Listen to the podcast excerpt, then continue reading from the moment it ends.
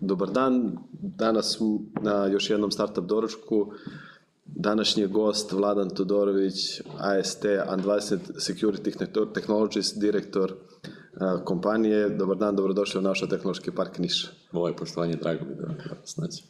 Uh, cyber bezbednost je tema koja je svakodnevno prisutna, a verovatno većina nas nije ni svesna koliko smo izloženi različitim napadima i koliko neke stvari koje na dnevnom nivou radimo uz pomoć tehnologije koja nam je tako lako dostupna, u suštini jesu neki podaci, informacije kojima se neko hrani. A, to i jeste neki resurs gde relativno lako mo, može bilo ko da nas napadne, da li neki račun ili nešto više od toga. Ovo je samo početak o kome ćemo mi pričati u narednih sat vremena, ali bih ja volao najpre da, da krenemo uh, što bi se reklo od početka, da vi ste završili ovde osnovnu školu, srednju i fakultet. Jel možemo nešto da čujemo vezano za taj početak vaše uh, profesionalne, za vaše obrazovanje i početak profesionalne karijere. I samo jedna napomena uvodna zbog publike, malo ćemo glasnije da pričamo kako bi mogli da nas čuju i oni u, u poslednjem redu. Nema problem. Pa, blaga greška sa vaše strane. Znači, ja jesam rođen u Nišu, ali osnovna škola je bila u Aleksincu. Moji roditelji su tamo preselili, a onda srednja škola ovde, Bora Stanković, pa nakon toga elektronski fakultet. Ja. S tim što faks nije išao mnogo brzo, u smislu sam radio paralelno Znači, na privatnom poslu, tog sam studirao, tako da diplomu sam završio kad je bilo neophodno da dobijem posebnu dozvolu za zapošljavanje u Italiji. Znači, ostalo je par, predmeta i onda sam dotrčao iz Atine da na brzinu to očistim da bih mogao dobijem radnu dozvolu. Dobro, da, generalno je izazovno za sve studente elektronike s obzirom na posao, izazove, količinu informacija koje se dnevno dešavaju da ostanu i završe svoje ispite, završe studija, a ne koriste priliku, odnosno prilike kojih je tako mnogo jer se tehnologija tako brzo razvija. Jeste, jeste. I tu je onaj disbalans između prakse i teorije. Kako je počelo? Ste odmah krenuli da se bavite uh, cyber security ili, ili kako je krenula vaša profesionalna karijera? Na, nasmećite se na to. Znači, u to vreme kada sam bio prvi put kad sam bio zapošljen, tada uh, internet uh, service providing je bio preko telefonskih linija još uvek. I tada smo imali u Nišu, imali smo banker internet i ne mogu se, kako se bilo zvalo, da li je bio Centos, Internet Service Providing i ostalo. I onda u principu ja i kolega smo bili angažovani da podignemo sve to od nule u banker internetu, svemu tome. Tako da smo tu učili u principu i sistem administraciju, učili smo i administraciju baza podataka, radili smo istovremeno i programiranje tamo, recimo razvili smo neka sobstvena rešenja ovo, u C++ za autentikaciju. Sada da vas ne maltretiram na osnovu o, brojeva telefona, ne samo na osnovu username i passworda, pošto tada bili napadi. I kad, ste, kad radite u ISP-u, to je ono što je interesantno, imate napade od spolja ka vašim klijentima, ali imate i vaše loše klijente koji napadaju ka spolja. Pa smo onda morali da razvijemo neke dodatne sisteme.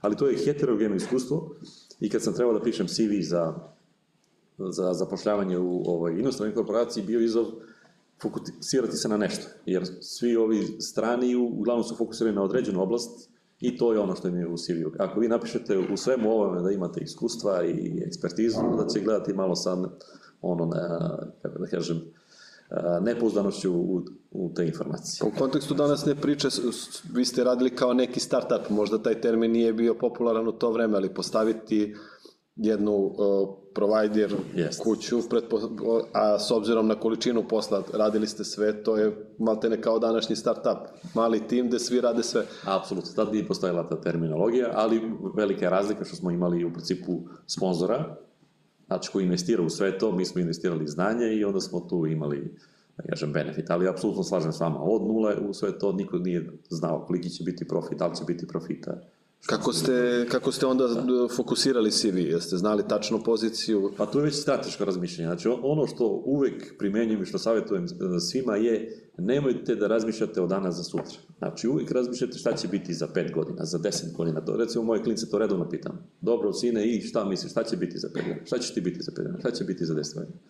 Uh, I tu je sad caka, ne morate da budete u pravu u tim prognozama, ali je bitno da razmišljate unapred i onda će vam biti mnogo laše donošenje odluka kad budete na rasnicama, levo ili desno. Konkretno u tom trenutku moja logika je bila, ok, tamo neki IT menadžer, može da bude, ali tehnologije se vrlo brzo menjaju, cyber security je nešto što će ostati sigurno. Bez obzira koje su tehnologije, cyber security ostaje kao izazov u svemu tome. I jeste, jeste malo teži, ali logično mi je bilo onda fokusiram se na cyber security, jer mislim da će sljedećih deset godina to sigurno biti fokus. I tako se ispostavilo. E, cyber security nekako dođe na, na dnevni red da pričamo o njemu tek kad se desi neki veliki napad, kad neka banka stane, nestane neki novac, ali generalno vi ste non stop da kažem, četvoro oči su otvoreni i pratite šta se dešava na mreži. Uopšte nije jednostavno uh, ispratiti sve trendove koji se dešavaju vezano za, za, za cyber napade i, i, i vašu odbranu. Koliko ste, kako to sad funkcioniše iz nekog vašeg ugla? Jasno. Pa što se tiče ove, da kažem, samo svesnosti od iz, o izazovima cyber security, slažem se sa vama. Dok neko ne osjeti posljedice, u principu nije ni oran da investira u, u takve stvari. To je činjenica. Samo za neke kritične sisteme oni to moraju da rade ili zbog ovih, zbog zakona ili zbog nekih drugih obaveza u svemu tome. Da dam primjer da biste me razumjeli, recimo imate neku korporaciju danas recimo za, za plaćanje putem kartice i ostalo, postoji standard koji se zove PCI DSS, Famous Cars Industry Data Security System, koji su uveli tamo American Express, Mastercard, Visa i ostali, gdje svako ko radi sa tim karticama u zavisnosti od nivoa mora da zadovolji neke standarde. Znači, to je neki ono, standard requirements. S druge strane, imate neki kritična poslovanja, gdje oni su vezani sa SLA, Service Level Agreementom, da se odradi nešto određeno vreme. Da dam konkretne primjere da biste me razumjeli. Recimo, olimpijske igre na, na kojima sam učestvovao, mi smo imali SLA da svaki rezultat mora da bude dostavljen do svih novinara u svetu za manje od 300 milisekundi. E. I onda se tu menja skroz način kako razmišljate. Ne možete, tipična danas reakcija je desi se incident, nakon toga reagujete na incident da biste to rešili sa što manjim troškovima i u što manjim kasnim vremenu. Kad imate SLA od 300 milisekundi, nema vremena za reakciju. Znači morate da budete proaktivni, da razmišljate o ranoj prevenciji da biste sprečili tako nešto. I recimo imamo zvanično pismo zahvalnosti tamo vezano sa olimpijskim igrama gde potvrđuju da smo imali preko 900 različitih incidenata preko 12.000 uređaja, ako se dobro sećam, na 65 različitih lokacija, a nije bilo nikakvih posljedica po olimpijske igre. Uh, vi ste radili na četiri olimpijske igre, ste pokrili... Jeste, jeste četiri. Uh, možete nam prenesite to generalno iskustvo, kako je bilo na prvim, kako je bilo sad na, na, na posljednjim i koliko je šta se to dešava iza scene da, da mi kao posmatrači olimpijskih igara i obični Jasne. građani uopšte nismo ni svesni. Na kraju krajeva, koje su to posljedice koje mogu da se desi, koja je vrsta napada koja je upućena? Jasno. Hajmo prvo redom, šta je, šta je izazov ovih olimpijskih igara? Znači, to nije tipičan projekat gde vi sad, recimo, vi želite danas da napravite neki, neku organizaciju koja će raditi određeni posao. Nemate fiksirane rokove. Znači, vi kažete, recimo, bit će to do 1. januara 2025. Ali ako bude mjesec dana kasnije, ili od, nije to neki veliki problem u, u svemu tome. Kod olimpijskih igara je problem u tome što ništa ne može se pomeriti. Recimo, Peking je morao da krene u 8, 8. augusta 2008. u 8 sati, 8 minuta, 8 sekundi. Kinezi vjeruju da je osmica srećan broj zbog toga i tu nema pomeranja. Vi nemate pravo da sad kažete, izvinite, sad imamo problem pa ćemo ono, za sat vremena kasnije da, da krenemo, jer sve televizije su u tome, sve se prati i onda to je veliki problem. I onda oni kako to prenose? Sve te svoje zahteve prenose na IT kompanije koje učestvuju u tome, gdje kažu service level agreement, 300 milisekundi za dostavu svakog rezultata. Jer ne smije se desi na televiziji da, da neko ne dobija rezultate dok vi gledate TV prenos. E sad, to je onaj aspekt u smislu uh, service level agreementa. Ovaj drugi aspekt vezano za deployment cele infrastrukture je izazov u tome što vi nemate unapred kompletnu infrastrukturu i onda možete radite na tenane kompletan tuning, konfiguracije, sve što vam treba, već vi imate samo neki core data centar, a onda uh, sve ove lokacije gde se dešavaju različiti sportski događaji uh, su u principu tamo tek možda recimo mjesec dana ili par nedelja pred sam događaj. Šta to znači? To znači da imate rapidni, ovaj, rapidno postavljanje infrastrukture odjednom, znači u samo nekoliko nedelja. Ne znate tamo šta ima, šta postoji, da li se sve radi, a mora odjednom da se postavi. Ogroman broj volontera. Znači, vi ne možete zaposliti ljude unapred godinu dana koji će raditi sve tamo. Ogroman broj volontera koji se istog mjesec dana pre toga angažuje svemu tome. Možete da verujete svakom volonteru. To je isto izazov u svemu tome. Tako da to su izazovi, ta, ta rapidna, ovaj, rapidni deployment koji se radi, a sve to mora da bude savršeno sigurno. Uh, pored toga vi ste radili i u uh, Siemensu, je li tako? Bili ste... Jeste, znači tu sam bio, uh, ovo su sad informacije koje mogu da podalim, u, u tom trenutku sam bio u Singapuru, onda Atos kompanija radi uh, akviziciju Siemens Information Services, znači Siemens je imao dve velike, dva velika dela, ovaj industrijski deo i ovaj vezan za IT. Znači oba su bilo vlasništvu Siemensa, Atos je kupio Siemens Information Services, i onda uh, Siemens Information Services se uh, suočavao sa velikim brojem napada. Gubili su i po nekoliko miliona evra mesečno. I onda su me povukli iz Singapura da pređem u Minhen, tamo je headquarters ovaj, Siemensa i moj posao je bio da obezbedimo da promenimo infrastrukturu, da obezbedimo security operacije, tako da i ako dođe do nekih problema da se to minimizuju posljedice. Uh, kada odlučujete da napravite svoju kompaniju i da krenete u neki, neki svoj biznis?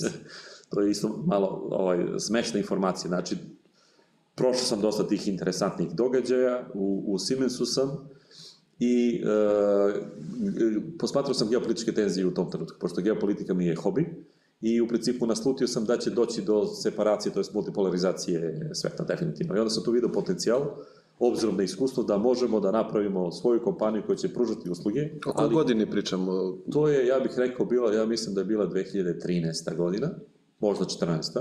ne sjećam se iskreno Ovo, I logika je bila da će biti dobro, da će biti zapadna rešenja verovatno izgurane iz određenih zemalja i onda tu postoji prazan prostor gde možemo da upadnemo. A onda je vrhunski ono što kažu ova višnjana na, na kolaču je bila to što su me oni postali bili na neki poseban tamo kurs, ovaj, biznis, bili su ih zvali business technologist, u smislu oni koji su dolazili iz tehnologije, a imali su menedžersku poziciju, su imali dodatni, dodatnu edukaciju od godinu dana na Cambridgeu i na univerzitetu u Paderbornu, to je u Nemačkoj.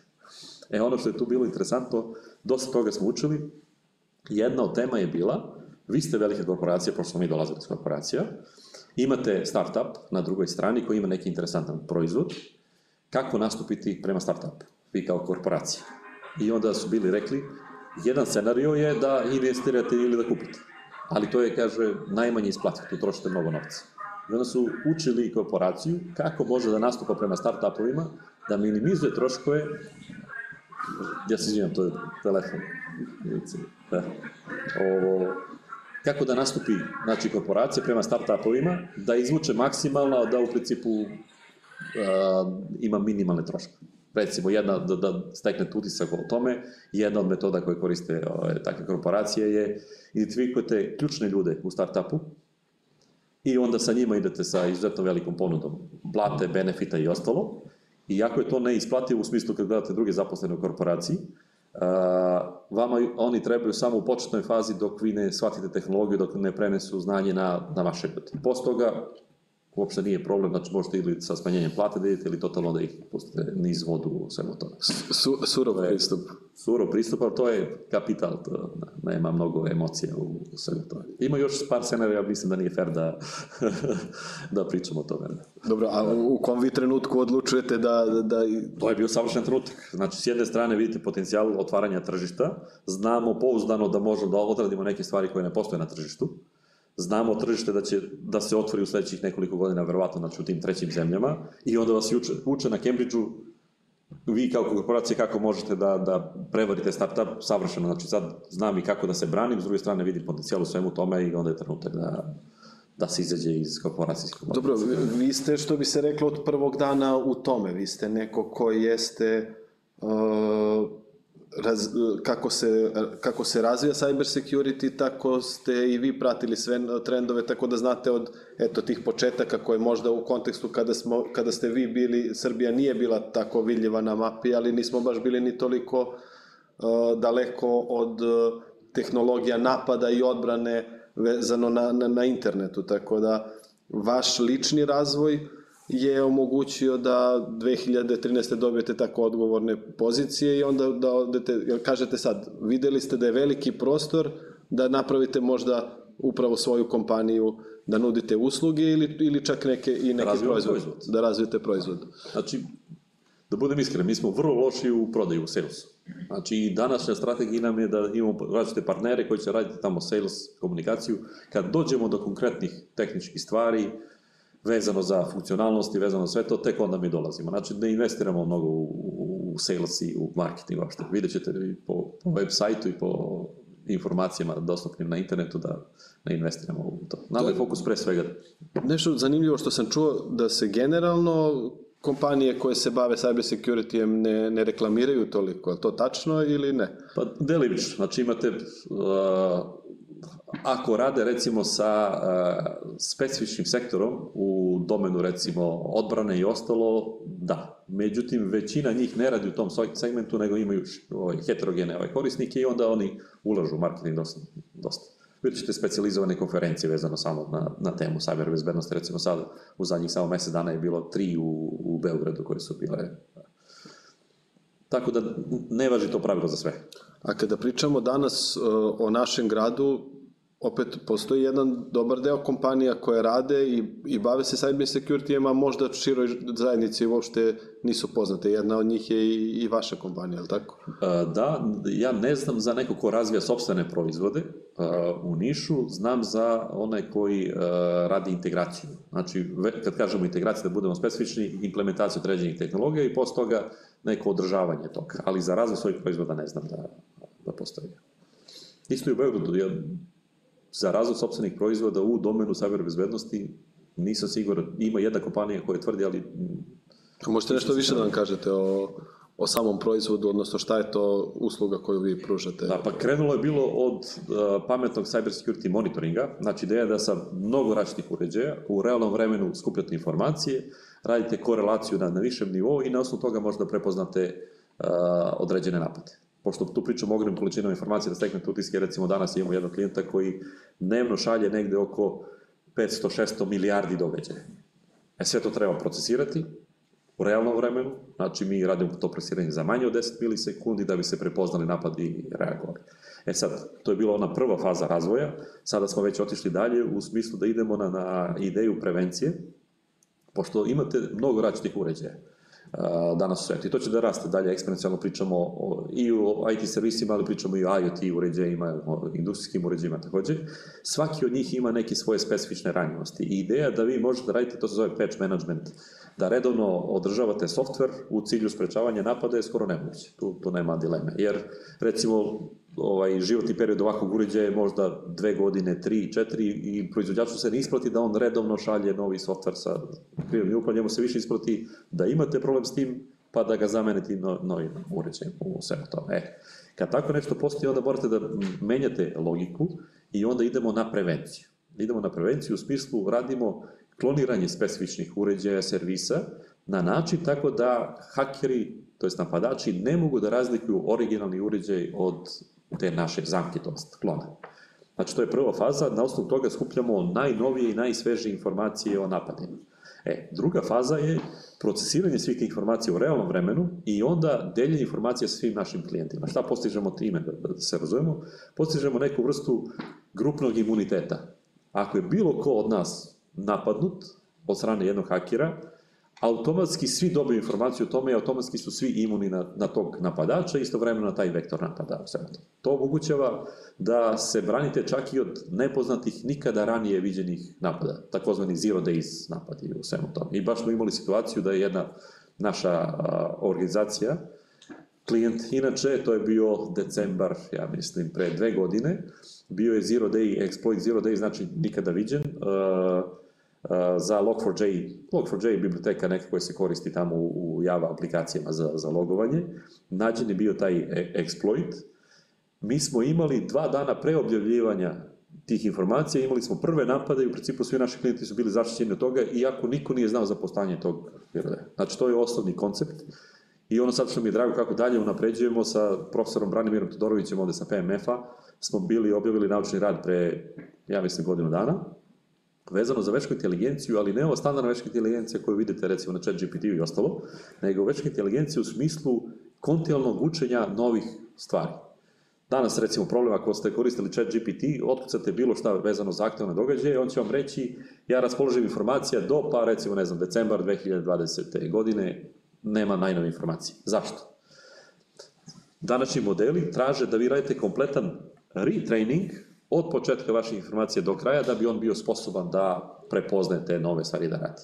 E, ovo što smo odradili sa, sa kolegom Todorovićem je da možemo kontinualno da dodajemo novo znanje, bez zaboravljanja ovog inicijalnog znanja, to se zove catastrophic forgetting u svemu tome. Šta to znači? To znači onda u praksi da sa svim ovim našim da kažem, senzorima koji skuplju informacije, mi kontinualno unapređujemo sistem tako da može da prepozne i ove nikad viđene napade u svemu tome. Ja bih sad volao vas da vratim uh, na da, da nam pojasnite sve oni, sve one koji ne razumeju, nisu terminologiji, ne, ne, ne razumeju kako, šta je to zero day, šta su, gde su to rupe koje, koje neki haker nađe, kako to praktično izgleda. Jasno. Mislim, ja, skoro sam čitao da postoje, na primjer, USB 2 memorija, pronađeni su neki zero day uh, da, ajde sad, da. laički rupe, gde, ranjivosti, da. ranjivosti gde uvek, s obzirom da je u pitanju hardware, da je u da je u, u njegovom softveru koji ne može da se updateuje rupa i jednostavno uvek može da se USB 2 koristi za određenu vrstu napada. To je neko moje razumevanje. Možete vi da nam pojasnite prvo vrste napada, koliko, kolika je to ranjivost kad se nađe ne, nešto što, je na, na BIOS nivou uh, ranjivost i koliko te, to može da ima posledice na sisteme koje neke korporacije ili, ili kompanije ili javne institucije koriste godinama, a ne, ne uzimaju Jasno. nove. Tako da, pitanje se postavio široko, ali bih volao od početka da nam baš Jasno. onako ko lajcima objasnite ovu temu. I, imate slojeve Znači, u svakom IT sistemu imate slojeve. Prvi sloj je taj normalno hardware, njime upravlja takozvani firmware. Znači, opet je to neki software koji onda koordinira komunika, komunikaciju s njih. Recimo, kod PC računara to je BIOS. Kod IoT uređaja, znači imate neki firmware koji se uploade, koji radi sa, sa, sa tim. Nakon toga idu aplikacije. To jest, preskočio sam, ide operativni sistem koji je nad, nad time, nakon toga idu aplikacije i posle aplikacije onda ide viši nivo o, komunikacije, recimo ako se koristi veška inteligencija na, na osnovu tih aplikacija i ostalo.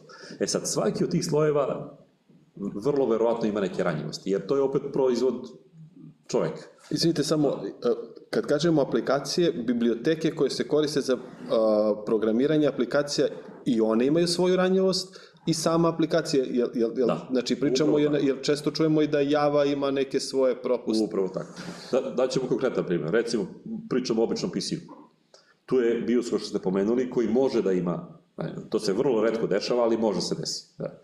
Pa onda idemo preko toga... Izvinite, moram tu, tu da vas pitam, zašto se redko dešava u BIOS-u? Zato što je to toliko dobro isprogramirano i nema prostora za napad, šta je... Mnogo je manji potencijalni prostor napada, znači to su jednostavni sistemi koji kompliciraju samo sa određenim hardverskim delovima i tu nema, što je heterogeni sistem, to je veća vratnoća da postoji problem. Ali postoji mogućnost da su oni koji su uh, kreirali taj hardware, stavili neke prekidače za koje do sad niko nije uspeo da ih nađe, a u nekom trenutku mogu da ih aktiviraju. Jasno. Ima tu sad dosta priča. Ima dosta priča. Bio je jedan dobar ekspert u sajber bezbednosti koji je bio pričao o tome da naručio neki svoj ovaj, laptop veliki i da isporuka sad ovo, da se razumemo, ovo je samo čista teorija, nema dokaza tako nešto, da mu nije proizvođač direktno isporučio laptop, nego da je išao preko neke treće adrese, neću da i, insinuiram ko to može biti, da mu je promenjen bio, znači on otkrio da, da nije isti BIOS na ovom originalnom laptopu i na, na ovom drugom i pretpostavlja to u cilju upravo skupljenja takvih informacija. Opet to su insinuacije, ne možemo da potvrdimo, ali ima toga, imate sad i neka profesionalna rešenja, recimo za mobilne telefone, gde vi instalirate tu aplikaciju ili daljinski ili kroz ranjivost u svemu tome i ona može da prati vaše aktivnosti u smislu slušanja, presretanja ovih poruka. S tim što tu pričamo o visokom nivou, tu pričamo o državnom nivou bezbednosti i napad. Znači, običan haker ne može tako nešto da, da odradi lako. E sad, vratit ćemo se na, krenuli smo o, o slovima, samo bih ovde teo još, još jedno pitanje. Ono što je dobro kod tehnologije jeste da svako ko se razume gotovo uvek može da vidi, pročita i razume da li softver koji, koji radi neku, neku stvar šalje neke informacije, a mi toga... Nije tako jednostavno. Daleko to, to, toga, da. Kod open source softvera može, kod softvera koji, koji mi koristimo kao kupljeni softver, ne. Ka, mislim, Nije tako jednostavno, znači daleko je kompleksnije. Daću vam primer, isto je bio jedan open source projekat koji je veliki, bio izuzetno popularan, međutim ljudi koji su imali neki drugi interes su promenili jednu od biblioteka koja se koristi tome. I svi su gledali ove open source, je to bilo ok, ali ta biblioteka u principu imala rupu koja se aktivira na specifičan način. Ona nije aktivna non stop, nego recimo to može bude, daću banalne primere, recimo možemo kažemo, ej, 1. decembra se aktivira u vremenskom periodu od 1 ujutru do 3 ujutru. Samo ja recimo znam ako sam napravio takvu rupu, onda kad treba da upadnem nekome, onda ću u to određenom vremenskom periodu da, da upadnem, u određenom vremenskom periodu ovim sa strane neće moći niko da upadne. Se razumemo. Tako da onaj ko radi analizu bit će mu mnogo teško. Pa onda imate neke metode danas, recimo, koje tipični hakeri koriste, koji napadaju širi ovaj opsek i fizičkih lica i pravnih lica. Oni idu, recimo, sa random, sa slučajno generisanim domain name-ovima, da bi uspostavili komunikaciju. Znači, zašto? Tipično ranije bilo, imate neki dokument koji se recimo zove žika.com i on će pokušati kad upadne vaš računar da se konektuje na žiku.com da bi dobio daljinske komande šta treba da radi lokalno mjesto. To su takozvani botovi koji rade posao. E sad kad su ovi otkrili, kad vidite komunikaciju koju ste vi pomenuli, oni mogu da odseku žiku.com. E sad šta oni rade? Oni rade a, slučajno generisane imena domena i onda oni znaju u principu u kom trenutku će koji domen njihova ova a, backdoor aplikacija da kontaktira. I recimo, ako ja to znam da će desiti za dva dana, danas ću registrovati jedan od tih mnogo različitih domena i uspostavit će se komunikacija. Klijent, to je cyber security expert, ne može da zna unapred koji će i kada biti aktiviran. Nemate komunikaciju do trenutka kada se uspostavi komunikacija, kad jednom uđu, to je već kasno. To je samo jedan od primjera, ima mnogo različitih metoda, ali čisto da steknete utisak kako to izgleda.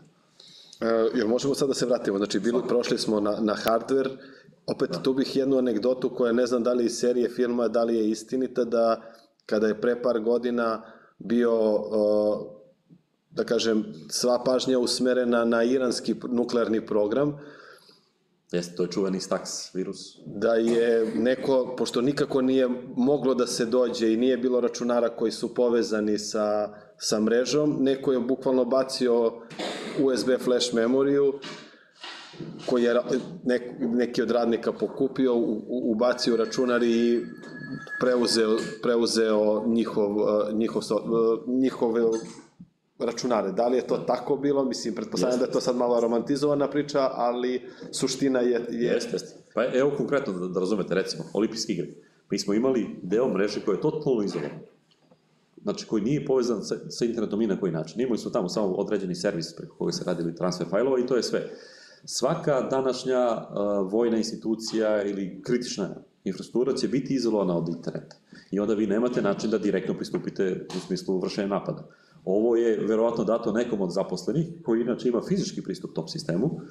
On čovjek nije imao pojma šta je na tom USB-u, priključio na, na računar, on je radio svoj posao, a u principu Stuxnet je onda aktivirao i onda je došao kroz kroz mreže bio došao do ovih, to su bile ove e, centrifuge za oplemenjivanje uranijuma. I šta je recimo radio taj konkretno taj ovaj, Stuxnet? On je forsirao ove centrifuge da se uh, rotiraju mnogo većom brzinom nego što je dozvoljeno, tako da su one nisu izdržane. Pregrevanje. Da, da, da. Pregrevanje, tako. A isto imamo i onu u doblo hladnog rata kada, je, kada su Sjedinjene američke države dale SSSR-u tadašnjem računare, kako bi ih pomogli, a u suštini je neki softver. Mislim, generalno, kada pričamo o cyber security, toliko imamo anegdota koje, koje znamo i ne znamo, Možete vi neku onako zanimljivu da, da, da, da nam da čarate? Pa evo, ali ja, pošto daću dve. Daću dve o kojima mogu da pričam. Ovo je sad hardware deo, ja posle ćemo da idemo prema Aha. softveru i prema, prema operativnom sistemu. Dobro, hardware delu nema tu nečeg mnogo interesantno, čisto da znate, znači moćete da nađete na kako se zove beše sajt, mislim da se zove hacker device, tako nešto, nemojte da mi verujete, da vi možete online da kupite takve uređaje. Znači, konkretno košta reda veličine 100 dolara, možete kupite USB koji će da radi recimo a, snimanje šta kucne. Čim on snima šta kucne, znači dobit ćete username i passworde koje vi koristite u, u svemu tome. Imate neke uh, uređaje koji će recimo Wi-Fi da pristuškuje sa ogromne daljine. Recimo, mi smo to eksperimentisali u Nišu sa Kameničkog visa, smo ovo, uz pomoć uh, satelitske antene hvatali signal iz centra grada da vidimo da li će to moći da, da se funkcioniše ili ne. Ele, uz pomoć tih pojačivača oni mogu daljinski da pristupe i onda nas od toga da rade napade na vašu Wi-Fi mrežu da bi došli do, do passworda. Imamo još jedan model u principu gde se koristi, uh, čuli se za RFID identifikaciju, znači vi koristite recimo karticu ovde za ulazak u prostoriju. E, imate poja, pojačivače tih RFID listenera, tako da oni mogu recimo odavde da očitaju vašu karticu koja je tamo. Znači ja samo treba da budem dovoljno blizu vas, on će da snimi sve to, ukoliko to nije neki poseban sistem, napredni sistem gde se koristi, ne znam, više faktorske autentikacije i ostalo, ja ću preuzeti vaš RFID, napravim kopiju toga, ja ću moći bez problema da uđem u kancelariju. Da, tako možete i karticu platno da, da preuzmete? Isto ima toga, s tim što u, kod plati kartica imate limit za ono bežično plaćanje, u zavisnosti od banke se razlikuje, ali generalno negde oko 50 evra, 50 dolara taj limit. Šta to znači? Ja sa takvim uređajem, koji može šire da, da čita, prošetat ću sa aerodromom i pokupit ću gomilu račiti kartica, svaki ću povući ne 50, nego povući ću 30, 40 i u principu ja sam nakupio dovoljno dovoljno ovih. Sad, kad ulazite u takve dileme, recimo vidite ovaj novčanik, on je napravljen na način upravo da spreči to. Znači ovde imate Faradayev kavez, u principu imate više kartica koje su jedne između druge, tako da sa tim čitačem neće moći da pročita moje, moje kartice. Sada se ja mnogo plašim, ali nema takvih mnogo napada, bez brige. nema. Skoro, skoro sam bio u Dubaju i onda mi objašnjavaju da tamo kriminal malte ne, ne postoji na nekom nivou bezbednosti e, i ne znam, pljački i tako to, ali kažu da je cyber kriminal ogroman i da non stop su različite vrste, različite vrste napada, pozivi ne bili došli do kartica i, i do bilo kojih podataka koji bi se kasnije koristili za, za zloupotrebe. Dakle. Jeste, jeste. Neko, neko je nedavno radio komparaciju između uh, prodaje droge, u smislu uh, profit margine, u smislu rizika i ostalo u odnosu na, na cyber kriminal, pokazao cyber kriminal da ima profit marginu, ja mislim čak 98%, a, procenat a, kaženih, to uhapšenih je izuzetno, izuzetno mali. Mislim da su rekli nešto 0,001 promila, tako nešto. Nemojte da mi verujete na konkretnim podacima, ali tako je. I uglavnom, ti napadi dolaze E, ne dolaze direktno od napadača, nego imate neki kompromativni sistem, to je danas recimo najčešće se dešava u, Ameri u Africi, gde mnogo oni nemaju jaku infrastrukturu, nemaju cyber security timove koji će otkriti, kompromituje se taj host, onda ja odlazim na taj host i sa tog hosta radim napade oko. Tako da, verovatnoće da će oni mene naći u tom napadu je izuzetno, izuzetno, izuzetno malo. I onda je izuzetno isplativo. Ranije su to bili hakeri koji su direktno radili napade, sad već imate organizovane grupe koje angažuju hakere, koji plaćaju njima dobre, dobro plate da bi To sam teo da vas pitam, je li to reč o pojedincima, grupama, nekim većim organizacijama? Koje... Sada su to organizovane grupe. Znači, da se razumemo, opet ćete vi imati i neki individualce koji rade posao, ali glavni deo cyber kriminala sada su organizovane grupe koji imaju eksperte koji angažuju, plaćaju i dobre plate za tako nešto. Je, je, je stvarno haker onaj mladi momak 10, 11, 12 godina koji sedi za računarom ili nije to baš tako? Ima i takvih, ali nije. Znači, treba tu bogato iskustvo. Znači, treba bogato... Takav haker može da bude u nekom uskom domenu, recimo našao je određeni problem, određenoj aplikaciji i on će tu uspeti, međutim da biste imali širok dijapazon ovaj, da kažem, vektora napada, morate da imate široko iskustvo. Ne može tek tako da Jel možete sada da nam kažete one primere, ja sam vas prekinuo. Da, interesante primere, da. Pa jedan je bio dobar primer u, baš u Pekingu, šta smo bili radili tamo. Imali smo problem u tome da imate takozvane kioske. Kiosci su namenjeni bili da bilo koji uh, posetilac može da priđe tamo i na osnovu ovih touch ekrana da vidi koji su aktualni rezultati, da oštampa sve to i da, da radi. Znači, to je bilo na javnim mestima, kao što su bili recimo aerodrom, neki hoteli i ostalo. I to je sve moralo da bude povezano na ovu kritičnu mrežu. I onda je bio izazov kako to odradite da bude sigurno. Radili smo analize različite, radi smo tamo neko, da, da sad ne objašnjam takozvani hardening, međutim ispostavili se da je Microsoft imao rupu da ako odete na štampanje računara, na štampanje nekog dokumenta, da postojala rupa da on može kroz taj interfejs da dođe do command line interfejsa i da onda tu može da radi šta god želi dalje. Je. Mi smo to obavestili Microsoft o tome, oni su rekli da ne mogu da reše problem. u dogledno vreme za tako nešto. E. I onda je bilo pitanje šta uraditi. Znači, vi morate koristiti Microsoft Windows, morate koristiti kioske, znate da postoji rizik da neko može dođe do command prompta i preko toga da, da radi šta god hoće, šta uraditi u toj situaciji. Šta smo mi uradili? Bila je jedna varijanta da promenimo lokaciju gde se nalazi ta aplikacija, jer morala da postoji ta aplikacija. Međutim, moje razmišljanje je bilo je da samo je pitanje stepena inteligencije čoveka, neće ga naći tu gde treba da bude, ali ako bude potražio malo dalje, naći će ga, znači ukoliko je čovjek malo pametniji. I onda je logika bila skroz drugačija. Ostavit ćemo to da stoji tamo gde treba, ali ćemo eliminisati njegove privilegije, znači te aplikacije, da ona ne može u praksi da odradi ništa što je kritično. Imaćemo drugu koja se koristi, koja mora da postoji, ali ova na defaultnom mestu je ta koja ne može da radi ništa. Koja nam je bila logika? Ako neko dođe dotle, do tog, te tačke, taj sigurno nije naivan, taj sigurno pokušavao da odradi nešto loše, čim bude došao dotle, bit ćemo imati vremena da ga uhapsimo pre nego što on krene u neke stvarne dalje korake. I tako je bilo, znači imali smo par njih koji su da, pokušavali tako nešto, odmah na licu mesta su bili ovo, uhvaćeni i tu imamo dve, dve ove, a, interesantne situacije. Znači, jedna je bila u tome da normalno kad je bio pritvoren, kad je objašnjavao šta je radio, kako radio, inače bio volonter koji se je javio. O, posle toga je morao da, mislim morao, ja nisam tražio ništa, on mi je ispisao o, a, pismo na dve stranice gde se izvinjava, shvata da je to njegova, ne znam, greška, šta već, znači čuvam i dan danas taj dokument, znači treba pročitati o, vrlo interesantno, a imamo drugu interesantnu situaciju koja je bila nešto slično, Ovo, I zbog toga, zbog te, tog incidenta je bio ovaj, pritvoren i šef tog volontera i šef njegovog šefa i šef njegovog šefa, to je otišlo do vrlo visokog nivoa. I sad ja dolazim nazad u kancelariju, imali smo smene od 7 ujutru do 7 uveče i od 7 uveče do 7 ujutru, znači po 12 sati. Dolazimo tamo u kancelariju Security Operation Center i dolazi čovek koji je po rangu značajno viši od mene, znači on je gore pri, pri vrhu.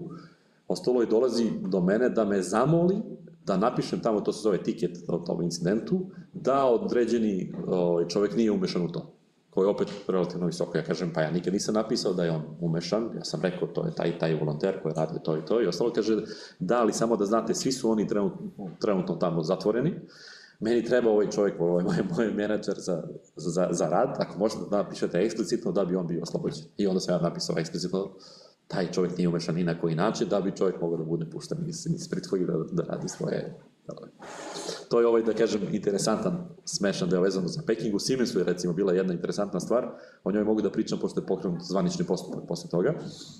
Znači imali smo, to je kompanija koja je bila ovaj, podugovrač više različitih velikih korporacija. I oni su radili ovaj support uh, desk. To je onaj servis, vjerojatno znate, kada neko zove telefonom, treba neka podrška, recimo, ne znam, promena lozinke, neki problem sa mailom, šta se već radi, i oni su odgovarali na, na sve to. E, ispostavilo se da je neko iz te kompanije, pošto oni imaju pristup ovim uh, bazama podataka korporacija, ali limitiran pristup da mogu da samo jednom zaposlenom dobiju informacije da bi sa njim mogli da, da reše te probleme. Uh, neko od njih je provalio znači, u bazu radio SQL injection, tako da je mogao da pokupi sve informacije o svim zaposlenima svih tih korporacija. Znači, bilo ih je više, bio tu recimo Schneider, bio tu Siemens, bio tu Atos, još nekoliko velikih korporacije koje su koristile sve te usluge. I onda je došla ucena, ucena gde su tražili, od različite korporacije su tražili različite iznose novca. Recimo, konkretno od Atosa, ako se dobro sećam, bili su tražili 2,4 miliona, od Siemensa 3,5 miliona, od Schneidera nešto slično, ali stičete utisak o ciframa. I bili su pretili time da će objaviti sve te informacije na, na internetu. Znači, praktično privatnost podataka onda nestaje, da bi se informacije svim zaposlenima, njihovim mailovima, imenima, brojevima telefona, sve to ostaje. I onda je bio izazov šta raditi u takvom slučaju. Ono što smo mi bili radili je da paralelno išli smo na pregovaranje da se rastegne što duže, da bismo mi imali vremena da uđemo u analizu šta se dešavalo, da dobijemo što više informacija. S druge strane smo išli po, po Dark Webu. Dark Web je onaj nezvanični deo, znate, e. Ne, objasnite, možda, možda naši slušati. Dark Web je nezvanični deo interneta gde su pre svega, ovaj, da kažem, hakeri i takvi ljudi gde se radi razmena informacija, alata i ostalo na, na crno. E. A opet nije, nema ne, ne može obič, putem običnog brauzera da se da, pristupi tim informacijama. Do njega čak nije ni samo na Tor mreži, neke, morate imati neke dodatne provere da biste uopšte došli do tih informacija. Znači, ne može svako da pristupi u tome. Ele, mi smo i tamo bili aktivni i u principu videli smo tamo ponudu za slično, prodaje cele baze za neki drugi iznos, koji je bio manji iznos, pošto njemu je tu bio interes da proda na što više tačaka u svemu tome. I onda polako kapiramo šta, šta radi, s jedne strane u ovom legalnim pregovorima, mislim legalnim, zvaničnim pregovorima sa njima, tražimo neke uzorke informacije, dajte nam, ne znam, ovog zaposlenog ili ovog zaposlenog kao dokaz da stvarno imate informacije, znači cilj je tu da, da se razlači što više komunikacija. Interpol je bio angažovan u, u svemu tome, Uh, bilo je interesantno da neke od tih velikih korporacija nije želelo uopšte da, bili su spremni da plate. Zašto? Zato što je njihova, njihova reputacija na berzi, na stock exchange-u, vrednost koju bi izgubili je značajno veća od onoga što bi trebali da, da plate od toga. Međutim, mi smo insistirali na, na legalnom procesu, znači Interpol je bio mešan i sad dolazimo do vrlo interesantnog trenutka plaćanja. Pregovoramo o načinu plaćanja, tražili su plaćanje prema jednoj kiparskoj banci. Odlično mi kažemo Kiparska banka, sad možemo zvanično kroz Interpol da dođe informacije ko je vlasnik naloga i ostalo. Kipar je bio svoje vremeno offshore, da kažemo, okruženje i imaju po njihovom zakonu su građani, ne samo građani, nego u principu bilo koja osoba imala pravo da kreira bankovni račun bez davanja ličnih podataka nego samo sad donošenjem određene informacije može da pristupi tom bankovnom računu, istovremeno može da se angažuje automatski transfer sa tog računa na različite račune u svemu tome. Tako da, iako smo imali podršku Interpola, mi nismo mogli da saznamo ko je iza tog bankovnog računa. To je bio veliki izazov. Ali, elem, na osnovu svih ovih informacija koje smo prikupili umeđu vremenu, mi smo sveli u principu to na određeni broj ljudi, na šestoro, sedmo ljudi potencijalni koji bi mogli da se odrade tako nešto i onda smo u principu išli sa proverom svaki od njih po nosob. Ispostavili se u principu da je to bio jedan od zaposlenih koji je sarađivao sa drugim kolegom, inače iz Turske, toga se sećam, bili su obojica na, o, poreklom iz, iz Turske, da bi to radili. Znači, SQL injection bi bio odrađen kroz tog zaposlenog, na osnovu toga sve ove ucene i očigledno su prima, pripremali celu tu akciju dugoročnije, obzirom da su već imali kreirani i bankovni račun i sve ove stvari. Koliko sad, na sudu. koliko sad kriptovalute tek uh, komplikuju... One omogućavaju žestoku, da, da, da kažem, naplatu kroz kriptovalute, s tim što opet ima nekih načina praćenja toga, ali nisu to jednostavne stvari. O tome smo, o tome smo pričali uh, na prošlom startup doručku kada je Marko Matanović iz uh, EDC-a bio gost iz ECD-a, pardon, i prošli put sam pogrešio, iz ECD-a i, i tada je rekao da u suštini kriptovalute nisu uh, on, one omogućavaju demokratizaciju, a ne potpunu anonimnost kao što, kao što mi mislimo da, odnosno kao što lajci misle naravno, da, da. koji su stručni uh, o tome znaju mnogo, mnogo više. Uh, htio bih samo još jedno pitanje, pa bih onda vama dao prostor da nam više kažete o izazovima generalno sada u kontekstu veštačke inteligencije. A, neretko čujemo o programima kao što je, odnosno znamo i, i, i to, o tome se priča da je Izrael najnapredniji kada se govori o sajber bezbednosti, o sajber napadima i taj čuveni Pegasus a, program koji je proizvod jedne od kompanija. Poslednje, jedna od ranjivosti bila je kroz Whatsapp dovoljno je da vas neko pozove ili da čak ne morate ni da se javite da bi neko ušao u vaš telefon, a čujemo sada da, da čak nije potrebno ni da odradite nikakvu da, da, da vlasnik telefona nije potrebno da oradi nikakav korak, a da je moguće preuzeti njegov telefon. Možete da nam objasnite kako, o čemu se tu radi, kako funkcionišu ti sistemi jako, i, i koji je nivo na kraju krajeva tih sistema da oni mogu tako da funkcionišu? Pa, hajmo prvo od korena.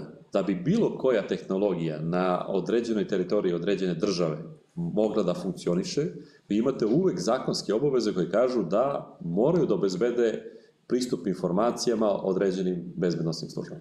Tačka. Znači, to je preduslov da biste vi radili bilo šta na teritoriji. Znači, recimo, radite inskripciju, ne znam, glasa, znači i kod nas, i u Americi, i u, Engleskoj, svuda postoji ta, zakonska obaveza. E sad, postoji način normalno da se to ne koristi u smislu da neko ne poštuje zakonske obaveze, to je koristite neki treći proizvod privremeno, sad da ulazimo u sve to, ali postoji ta zakonska obaveza. Šta to znači? To znači da, recimo, daću primere, Apple, ako dolazi zahtev iz uh, američke državne organizacije, mora da da informacije. To, to je tačka, tu nema dileme, pogotovo sada aktualno vezano za ove geopolitičke tenzije i ostalo, znači sad više nije procedura tako, da kažem, uh, skupa i složena kao što je bilo ranije. Tako da prvo morate krenuti od toga da sve te organizacije moraju da dostave informacije. Znači, to je onda, da kažem, polulegalni deo u svemu tome. Idemo dalje.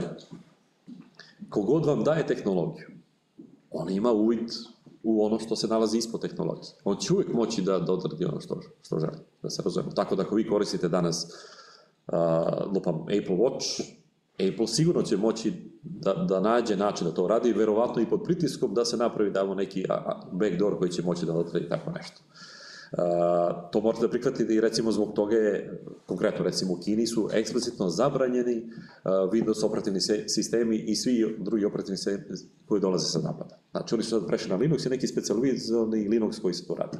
Nemačka je pokušala to uradi. Pa nije uspela opet zbog političkih pritisaka i ostalo. Pa sada imate ovaj aktualni uh, sukob između mobilnih stanica, to jest 4G i 5G ove komunikacije, gde imate sukob na tržištu između... I priča se o špioniranju, da 5G je... A da to znači da, da su sve ranije generacije bile alat za špioniranje, sad ova konkurentnija pa samo se tehnologije preuzima menju. tržište. Samo se tehnologije menjaju, u principu koncepti su isti, samo ono što je razlika u današnjim danima u odnosu na neku malo dalju prošlost je u tome što danas većina tih tehnologija, znači pošto su heterogene, dostupne su informacije i ovim nižim slovima ljudi, kad kažem nižim slovima, ne edukativno, nego u principu mnogo su šire informacije, mnogo se lakše šire i onda i vi možete da dođete relativno lako do informacije o ranjivosti i onda da tražite tu ranjivost po internetu i naći ćete nekog ranjivog gde ćete upati u sistem. Znači, ne traži taj nivo znanja, tehnologije da bi se ostvarilo tako nešto. I vezano za Pegasus, jel znamo da. na, način na koji, mislim... Pa jedina razlika je u tome što je Pegasus u principu komercijalno rešenje. Znači, postoje takva nekomercijalna rešenja koje razvijaju države za sebe. Pegasus je komercijalno rešenje i onda nekoliko puta su iscurali informacije pa se o njemu zna. Inače, postoje tu. Mi smo radili, recimo sad, opet nezvanične informacije, radili smo, uh, jedan klijent nam je tražio bio da, da mu nađemo u principu najbolju komunikaciju mobilnu komunikaciju za uh, šifriranje razgovora. Pošto dolazi iz poslovnog sveta gde mu je to bitno, takođe bio tražio recimo sastanka za, ovaj, uh, soba za sastanke, da bude napravljena na takav način da nema curenja informacije. I šta smo bili radili? Imali smo 10 različitih uzoraka uh, telefona sa različitim operativnim sistemom, sa različitim aplikacijama i testirali smo svaki od njih da vidimo da li da li može se presretne, kako može sa našim znanjem opet da, da se razumemo sa našim manjim i sa na, našim tehnologijama koje smo uspostavili. Nas toga smo preporučili, mislimo da je opcija A dobra zbog ABC, ova druga zbog BC i onda nas toga je on odlučio korišćenje. Jel možete sad da nam pojasnite koje, sa, kojima, sa kojim sve to izazovima se suočavate vi kao kompanija, mi kao korisnici i generalno uh, zajednica sa razvojem veštačke inteligencije. Veliki su izazovi. Bila, bila jedan dobar citat, uh, sad ne mogu setim uh, imena autora koji je rekao mi sada radimo migraciju sa jednih tehnologija koje su nam poznate na veštačku inteligenciju i trenutno sve ovo što imamo veštačku inteligenciju su monstrumi u smislu da ne znamo još uvijek tačno kako funkcionišu, šta se dešava i od njih treba da napravimo, da kažem, poslušne domaće životinje. To je onaj generalni, da biste razumeli. E sad, vezano za večku inteligenciju, imamo tu tri osnovne, tri osnovna konteksta vezano za bezbednost večke inteligencije. Znači, jedan kontekst je bezbednost samih rešenja večke inteligencije. Recimo, chat GPT. Chat GPT je ranjiv u smislu da prvo imate, to je IT servis i dalje, e, prvo imate one ranjivosti koje smo pričali postoje ima na nivou aplikacije koje se radi možda baza podataka, pa tek onda dolazimo do ranjivosti samog sistema večke inteligencije. Da dam konkretne primere, recimo danas da biste bili bezbedni recimo nekoj aplikaciji, vi možda kažete, e, ukoliko taj request sadrži to, to ili to, onda nemoj uraditi ništa. I tu su vrlo jasna, čista pravila šta se radi. Kod veće inteligencije nemate takva jasna i čista pravila. Znači, konkretno daću e, neke primere, e, ne znam da li ste čitali vezano za dobijanje ovih e, Windows licenci. Znači, ako tražite dajte mi neku Windows licencu, će reći ne. Međutim, valjda je bila priča, sad se neće, moja baka je, ne znam, bolesna, pa je treba da i onda su ovi dobili. Sad ovi smisle tako nešto, pa onda kao, kao nađu rešenje, međutim, ispostavilo se, recimo, nedavno je bilo da imate određeni uh, zahtev, koji kad pošaljete tekstom, on bude odbijen. Međutim, ako ga radite enkodiranje base 64, to sad u principu to je standardni način kodiranja koji nije ništa posebno, onda prođe taj, to pitanje. Znači, neko nije bio razmišljao da može da dođe do dekodiranja. I tu je problem veštačke inteligencije da ne možete da predvidite sve različite vektore napada koje mogu se koristiti jer to je dinamičan sistem. Znači, to je prvi vektor. Imamo drugi vektor, takozvanje uh, poisoning data, kako to da prevedemo, to je ubacivanje uh, malicioznog sadržaja u podatke u cilju, uh, uh, u cilju usmeravanja sistema veštačke inteligencije da donosi pogrešne zaključke. To smo recimo radili... Kompromitacija. Molim?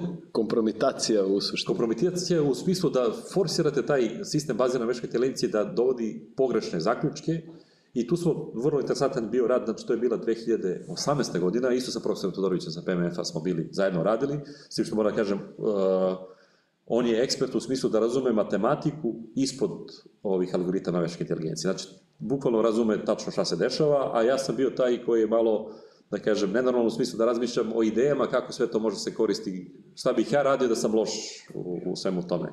I u principu smo dokazali da je moguće da se radi kroz manipulaciju samo ulaznih podataka. Znači, nemate pristup tamo sistemu i ostalo, samo kroz ulazne podatke da pod jedan uh, navedete na pogrešan zaključak, daću vam primer, recimo uh, prepoznavanje i slika prepoznavanje različitih uh, objekata. I recimo, slikate, u tom konkretnom slučaju je bila kobra, promenimo određene podatke, tako da za čoveka to i dalje kobra, nema nikakvih, mi ne vidimo razliku u slikama, međutim, AI algoritam kaže, e, ovo nije kobra, ovo je kengur, recimo. Pa smo onda uzeli, recimo, sliku kita ubice, takođe naveli ga da, da vidi neko drugo rešenje, a onda smo hteli da ga da navedemo, da vidimo da li će moći da vidi ono što mi želimo. I onda smo uspeli ne samo da ga navedemo na pogrešan zaključak, nego da vidi ono baš što smo mi uticali.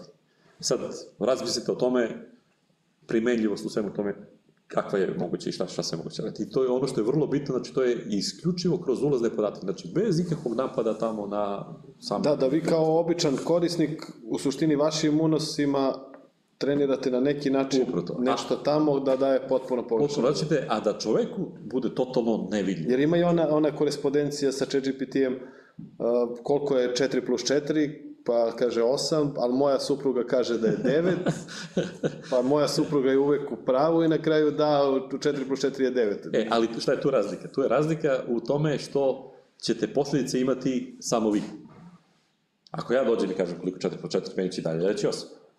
A ovde mi možemo kroz taj poisoning training data da ga navedemo na način da će posle svakom drugom da ta pogrešna rezultata. To s obzirom da on, sa, sadašnji sistemi imaju te e, spajdere koji u suštini snimaju sve stranice i na osnovu njih uče svoj algoritam, hoćete da kažete da na taj način to je jedan plasirate scenarija. Sada ako ulazimo malo dublje, imate ovaj supervised i non-supervised algoritme koje koriste. Ovaj, uh, kod unsupervised oni kontinualno uče na osnovu novih podataka, mislim kontinualno unapređuju to, na osnovu podataka koji nisu pod njihovom kontrolom. Supervised znači ja kontrolišem šta se tu dešava. E, Ovde nije tako i onda tu je mnogo veća verovatnoća da se radi. Jedan od načina kako možete radite je da tokom treniranja ubacite i ove, da kažem, loše podatke tako da se prag nadržaja podiže značajno. Drugi način je da imate više različitih algoritama koji svaki za sebe radi ili različitih modela, pa onda radite uh, odlučivanje o krajnjem rezultatu na osnovu više njih i onda jedan isti, da kažem, motorni podatak neće raditi sa jednim algoritmom i sa drugim algoritmom. Ali opet to su variacije ono, mnogo ima različitih kombinacija, interesantno sad zbog chat GPT-a u zadnjih nekoliko meseci je objavljeno dosta naučnih radova upravo na tu temu. Nešto što smo znači, radili ovde sa PMF, to je sa profesorom Todorovićem još 2018. godine kada je To je druga kategorija, treća... O, to, to je prva kategorija. Ne, znači, rekli ste da imamo poisoning, onda smo imali na... Ali to je uticaj Aha. na sisteme okay. veške inteligencije da oni donose pogrešne zaključke. Dobro. Sad pričamo samo o tome. Imamo drugi oblik gde u principu imate korišćenje veštačke inteligencije u maliciozne svrhe. Znači da imate sistem veštačke inteligencije koji će za vas raditi loše stvari. Već imamo nekoliko primjera u tome, recimo, mislim da se zove Mamba, ono prvo okruženje, gde on stalno kreira malware sa različitim potpisom, tako da svaki je jedinstven i ne može da bude prepoznat od standardnih alata. E. Znači, veštačka inteligencija se koristi za tako nešto. E. Drugi, recimo, primer je To je inače da već postoji, možete kupiti takav alat, košta, ja mislim, ako se dobro sećam, 300 dolara godišnje ili 500 dolara godišnje, da će ovo on kreirati phishing mailove. Phishing mail je onaj mail gde, znate, koji dolazi. Phishing mail je u suštini kad primalac koji nije dovoljno, ajde da kažemo, tehnički pismen, klikne i ostavi svoje podatke, Upravo. broj, kartice, ime, prezime, koji kasnije mogu da Upravo, budu zloupotrebljeni. Ali vi pokušavate mnogo puta taj mail izgleda kao originalni vaš, recimo korporacijski mail ili koji god, i onda samo pitanje vremena kada će neko iz kompanije da klikne. E, ovo je kreira te phishing mailove na način da, su, da je svaki jedinstven. I opet ne možete da imate neki, da kažem, potpis, jedinstveni identifikator da biste prepoznali taj phishing mail. Znači, to su žestoke stvari, a sada već unapređuju to da kreiraju još jedan od primjera je kreiranje, ono što sam bio ranije pomenuo, triggering, u kom trenutku će se aktivirati neki komunikacijni kanal za daljinsku kontrolu kompromitovanog sistema. Znači, kreira se algoritam na osnovu veštačke inteligencije, tako da vi ne možete, da, kad radite reverzni inženjering aplikacije, da shvatite u principu kako to funkcioniše. Imate neki model tamo, imate neki kod koji se izvršava na tim, ali vi ne možete da kažete, e, to će sad u određenom trenutku, ne znam, sad lupam 1. januara 2023. da se otvori kanal prema tome. I onda je mnogo teže raditi, raditi forenziku i predvidjeti sve to. To je drugi segment. Znači, korišćenje AI u maliciozne e, svrhe. I imamo ovaj treći, u principu, koji je više pravni izazov, to, tu je Evropska unija o, o, vodi, a, a UK prati to, Amerika kaže da u principu još uvek ne žure u svemu tome, imamo problem ove pravne odgovornosti. Konkretno, recimo automobil Tesla, imate Tesla kompaniju koja je integrisala sve to, imate nekog proizvođača koji je napravio tu implementaciju konkretno u računar i imate u principu nekog proizvođača koji je pravio kompletan taj algoritam prepoznavanje znakova, ne znam, osoba i ostalo. I kad dođe do bilo kakvog problema, recimo saobraćene nesreće u tome, pitanje je ko je odgovoran. Današnji pravni sistem se zasniva na tome da niko nije kriv dok se ne dokaže suprotno, tako? Sada se ide se polako u pravcu, to je velika dilema, vidjet ćemo kako će se završiti s tim, da možda ima smisla da se kaže da je svako odgovoran u tom sistemu veštačke inteligencije dok ne dokaže suprotno, da nije odgovoran svemu tome. E, to je onda veliki presedan za pravni sistem, da, da se razumemo u svemu tome. Ima nekih inicijativa od strane Evropske unije, recimo da svaki algoritam veštačke inteligencije koji se koristi mora da bude takav da može da se vidi na osnovu kojih podataka zašto je doneo određenu odluku. Što onda pravi veliki problem, recimo deep learning nije takav model. Tu ne može da se kaže eksplicitno zašto je doneo odluku. A to hoću da kažem, kako može neko ko piše pravnu normativu da, da razume kako funkcionište veštačka inteligencija, čak i kreatori ne, ne, ne... Uvek imate veštaki, da se razumemo, koji će biti angažovani za to. Međutim, ako je rešenje napravljeno na način da ne postoji reverzibilnost u smislu razloga zašto takva odluka, odluka, odluka doneta, onda praktično je nemoguće to. I onda šta radite u takvom slučaju? Imate dve opcije, u principu jedna je zabraniti takva rešenja, je tako? Druga je reći po defaultu vi ste krivi ako vi ne dokažete suprotno. Nema savršenog rešenja, to, to je ono gde je veliki izov. Vidjet ćemo sada u decembru treba da donesu nove ove, regulative, vidjet ćemo šta će... Da, ono što je isto karakteristično, da, da će Evropska unija možda da donese da takvu regulativu da je i od momenta donošenja i pre toga, ukoliko se alati koriste u loše svrhe, mogu da njihovi kreatori odgovaraju za posledice. Prvi put da će da bude i reverzibilno, da kažem, kažnjavanje odnosno ne od trenutka donošenja, nego i unazad ukoliko su svesno koristili alate za zloupotrebu i kažnjavanje. Ako su svesni, vi sad znate ko je i kako je to, je lako, međutim tu će biti vrlo veliki izazov da dam primer, recimo mi smo napravili rešenje za prepoznavanje lica, ali neko je adaptirao taj model da bi radio nešto drugo sa tim istim alatom. Da li je odgovoran onaj koji je napravio? To je veliko pitanje. Jer, da vam dam primer, recimo, ne znam, napravljeno je rešenje koje možda prepoznaje lice. Sad vi unesete u bazu podataka mnogo različitih fotografija i možda prepoznate vaše zaposlene. A neko ubaci u fotografiju ovaj, recimo, skenira automatski i onda traži negde gde su kompromitovani nalozi da bi znao kako da ga komunicira putem maila da bi onda izvukao neke informacije ili tako nešto. Ko je tu odgovoran za, za šta? Koliko vi sad kao kompanija koja pruža zaštitu već osjećate da veštačka inteligencija preuzima primat na na tom polju U praksi još uvijek nije, znači još uvijek nemamo ne, mnogo takvih napada koji se koriste. Ova hakerska alatka što sam bio pomenuo od 300 do 500 evra, znači javno dostupna, mislim javno dostupna, nije dostupna kroz zvaničnu prodaju, ali na, na dark webu je dostupna.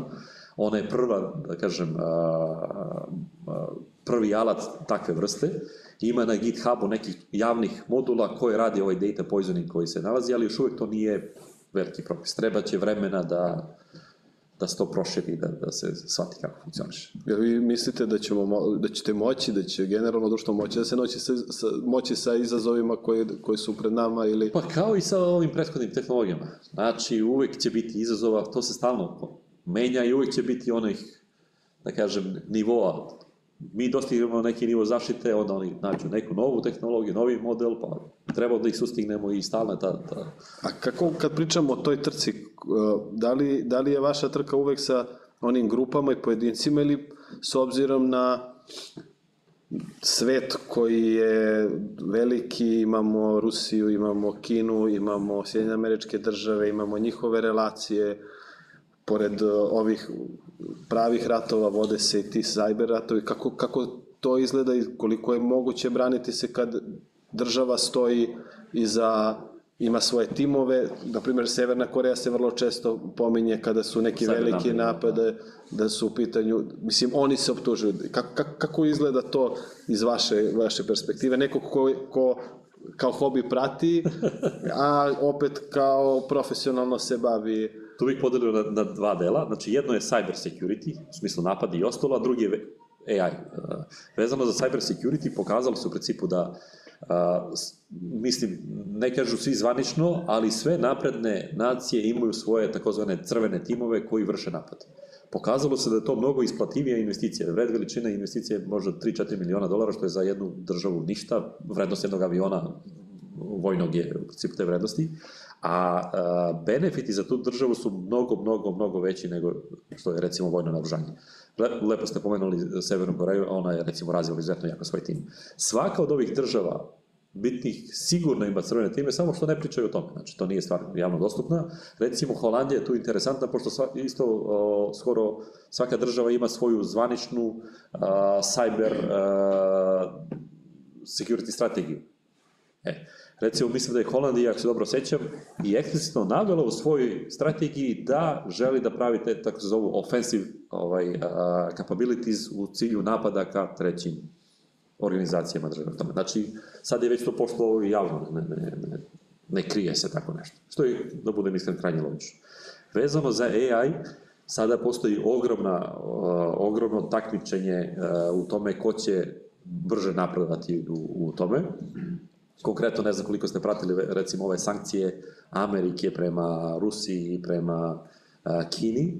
Jedna od stvari koje su uveli u sankcijama prema Kini, znači određene a, kartice koje rade a, AI kalkulacije su bile blokirane nedavno, pre, ja mislim, mesec dana, ovo su blokirane sve, kompletan izvoz svih tih kartica koje omogućavaju razvoj modela veštačke inteligencije. Znači, tu vide ogromne ogromne potencijalne probleme. Onaj ko se bude najbrže razvio, vjerojatno će imati i dominantnu ulogu u određeno vreme. Kao što je bila, recimo, nuklearna, uh, nuklearno oružje, to su bile 40. 50. Sada mislim da je veška inteligencija, ono, da je primarni fokus.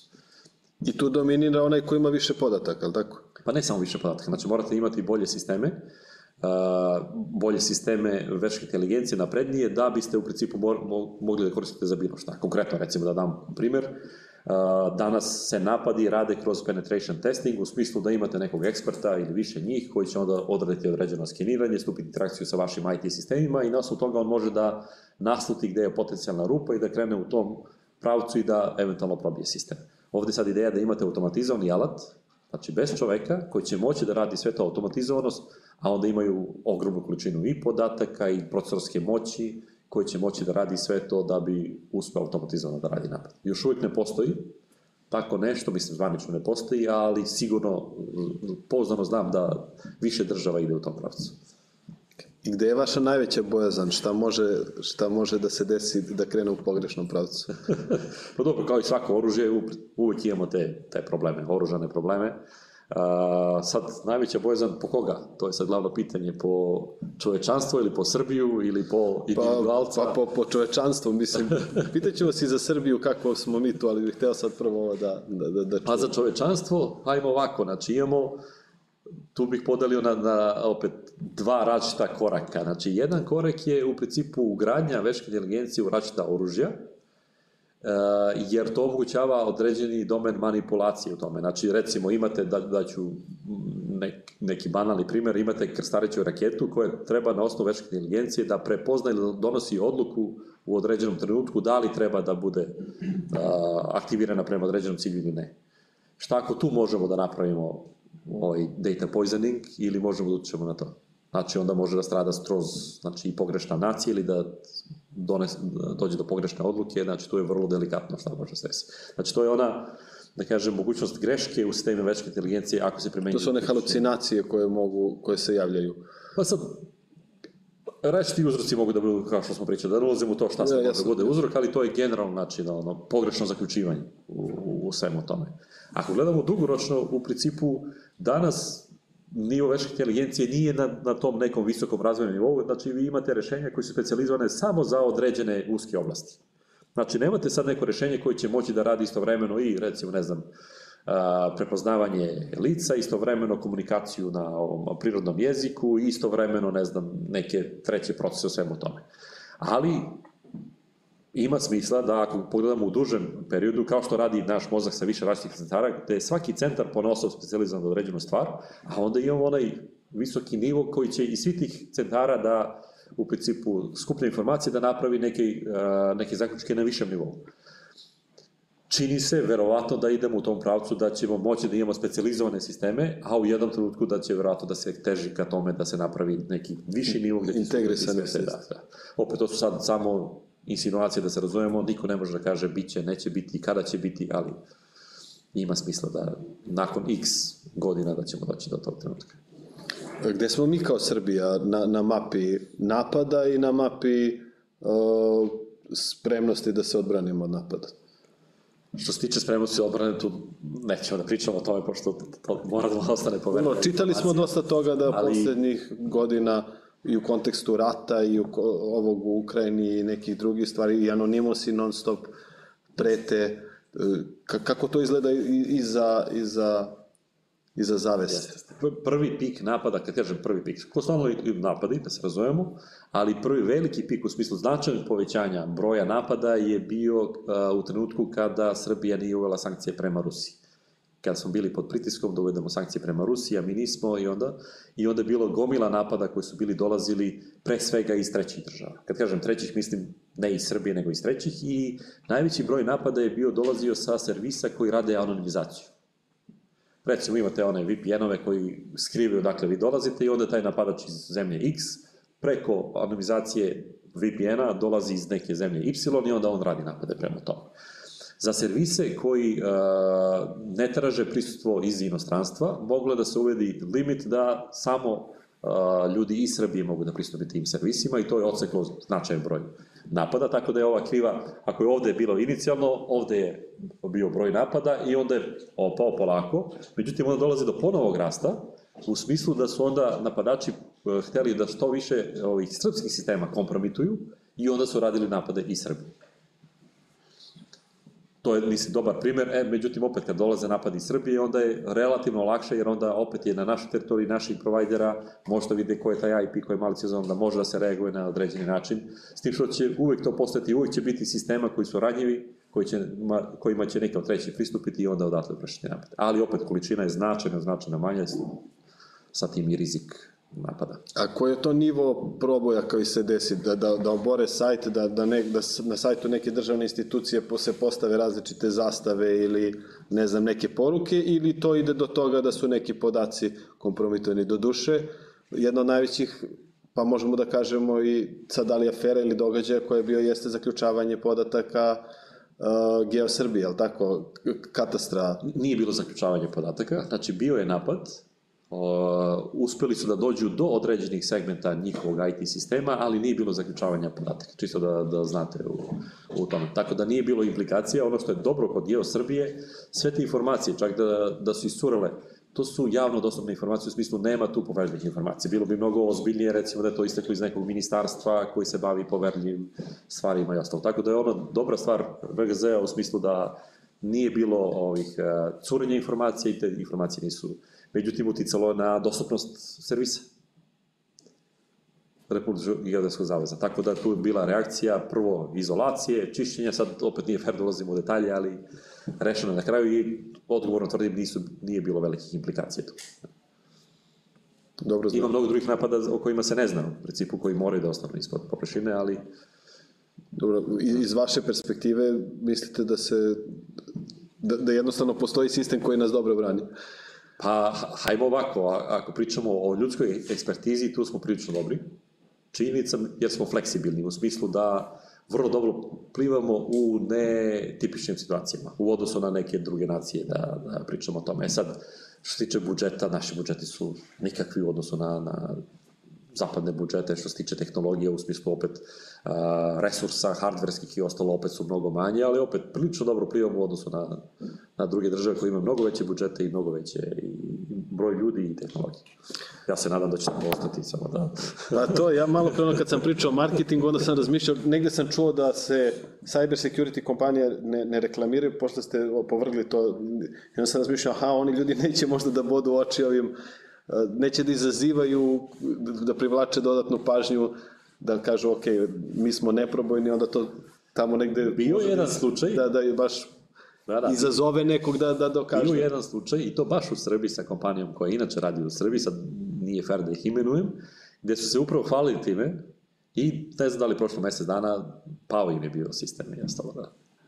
Tako da, da sigurno nije dobro da privlačite, ako privlačite bolje privlačite na pogrešnu stranu, ako me razumete. Znači, to je jedan od metoda koje mi koristimo. Znači, metod obmane gde ćemo da privučemo ove zlo namerne na pogrešnu stranu, tako da se oni otkriju, čim se otkriju, onda ih imamo na, na nišanu i onda možemo da znamo kako da uzvratimo i šta treba raditi. Na početku ste rekli da učite decu da gledaju 5-10 godina napred. Iz ove vaše perspektive, iz perspektive nekog ko vodi kompaniju, iz lične perspektive, šta je nešto što, što vidi, koji su možda vaši ciljevi, odnosno pravac u kome će vaša kompanija i vi lično da idete u nekih narednih 5 i 10 godina? Pa mi smo već krenuli tim putem, pričamo o ovom sistemu crowd immunity-a, jer mislim da, to je grupnog imuniteta, mislim da ništa drugo ne može da bude tako dobro. Uh, jer kakav god sistem da imate jedinstveni sistem koji je izolovan od ostatka sveta, ne možete da budete sigurni u vašu bezbednost. Jedino ako se svi zajedno udružujemo i delimo informacije u realnom vremenu, time ćemo moći da postignemo. To se nije onaj politički izazov, u smislu ko je oran sa kim da, da sarađuje na, na globalnom nivou. Znači, to će biti ona, jedan izazova. Vezano za večku inteligenciju, apsolutno sve ovo što smo bili pričali, znači, očekujem samo pitanje dinamike, koliko će se dešavati. Treći aspekt koji je vrlo bitan da imamo u vidu je uh, polarizacija sveta, znači imamo više različitih uh, bitnih uh, aktera u svetu, menjaju se uh, uticaji u svemu tome, znači sigurno ćemo imati mnogo više njih koji svako gleda u svom delu sveta i bit će to, neće biti takmičenje između istoka i zapada kao što je bilo do sada, već više različitih polova koji svako od njih gleda svoju priču i vidjet ćete sve više i više individualnih sistema za, za cyber odbranu, jer stepen poverljivosti prema nekim trećim proizvodima koji dolaze iz treće države je vrlo, vrlo mali. Primjer radi, recimo, mi imamo uskoro, imat ćemo delegaciju iz jedne uh, Asia Pacific zemlje koja insistira na tome da ne želi treća, treća rešenja, žele sa nama da razgovaraju o tome da im damo naše rešenje, ali da imaju poseban uvid u to rešenje kako bi bili sigurni da nema ničeg integrisanog, što je loše u tom rešenju. E, nekoliko puta ste pomenuli profesora Todorovića. Da. Kako je, kako je vaše mišljenje, da li mi u našem gradu imamo potencijal da razvijamo možda i posebne programe na fakultetima, da li master, osnovne studije, da li, da li je možda tu negde na, niša u kojoj mi možemo kao grad da, da se na nacionalnom onda i evropskom nivou profilišemo i da se možda uh, usresredimo, da razvijemo i sajber bezbednost i veštačku inteligenciju, odnosno mix ta dva. Jasno.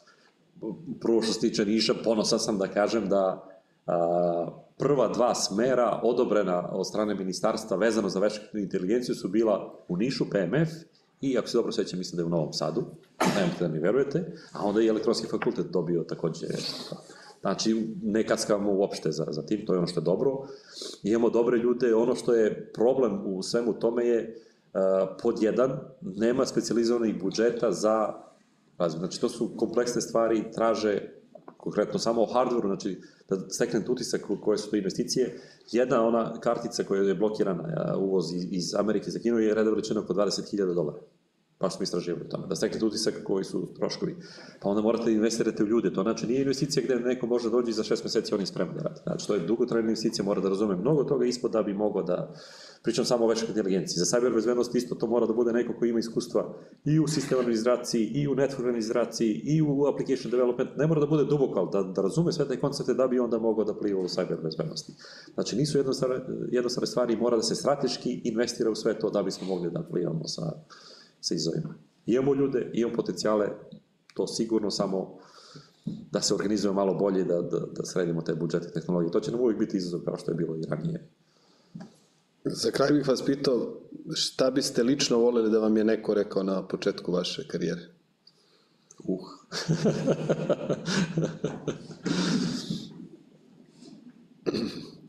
Pričam samo profesionalno ili... Profesionalno, lično, kako god. Lično.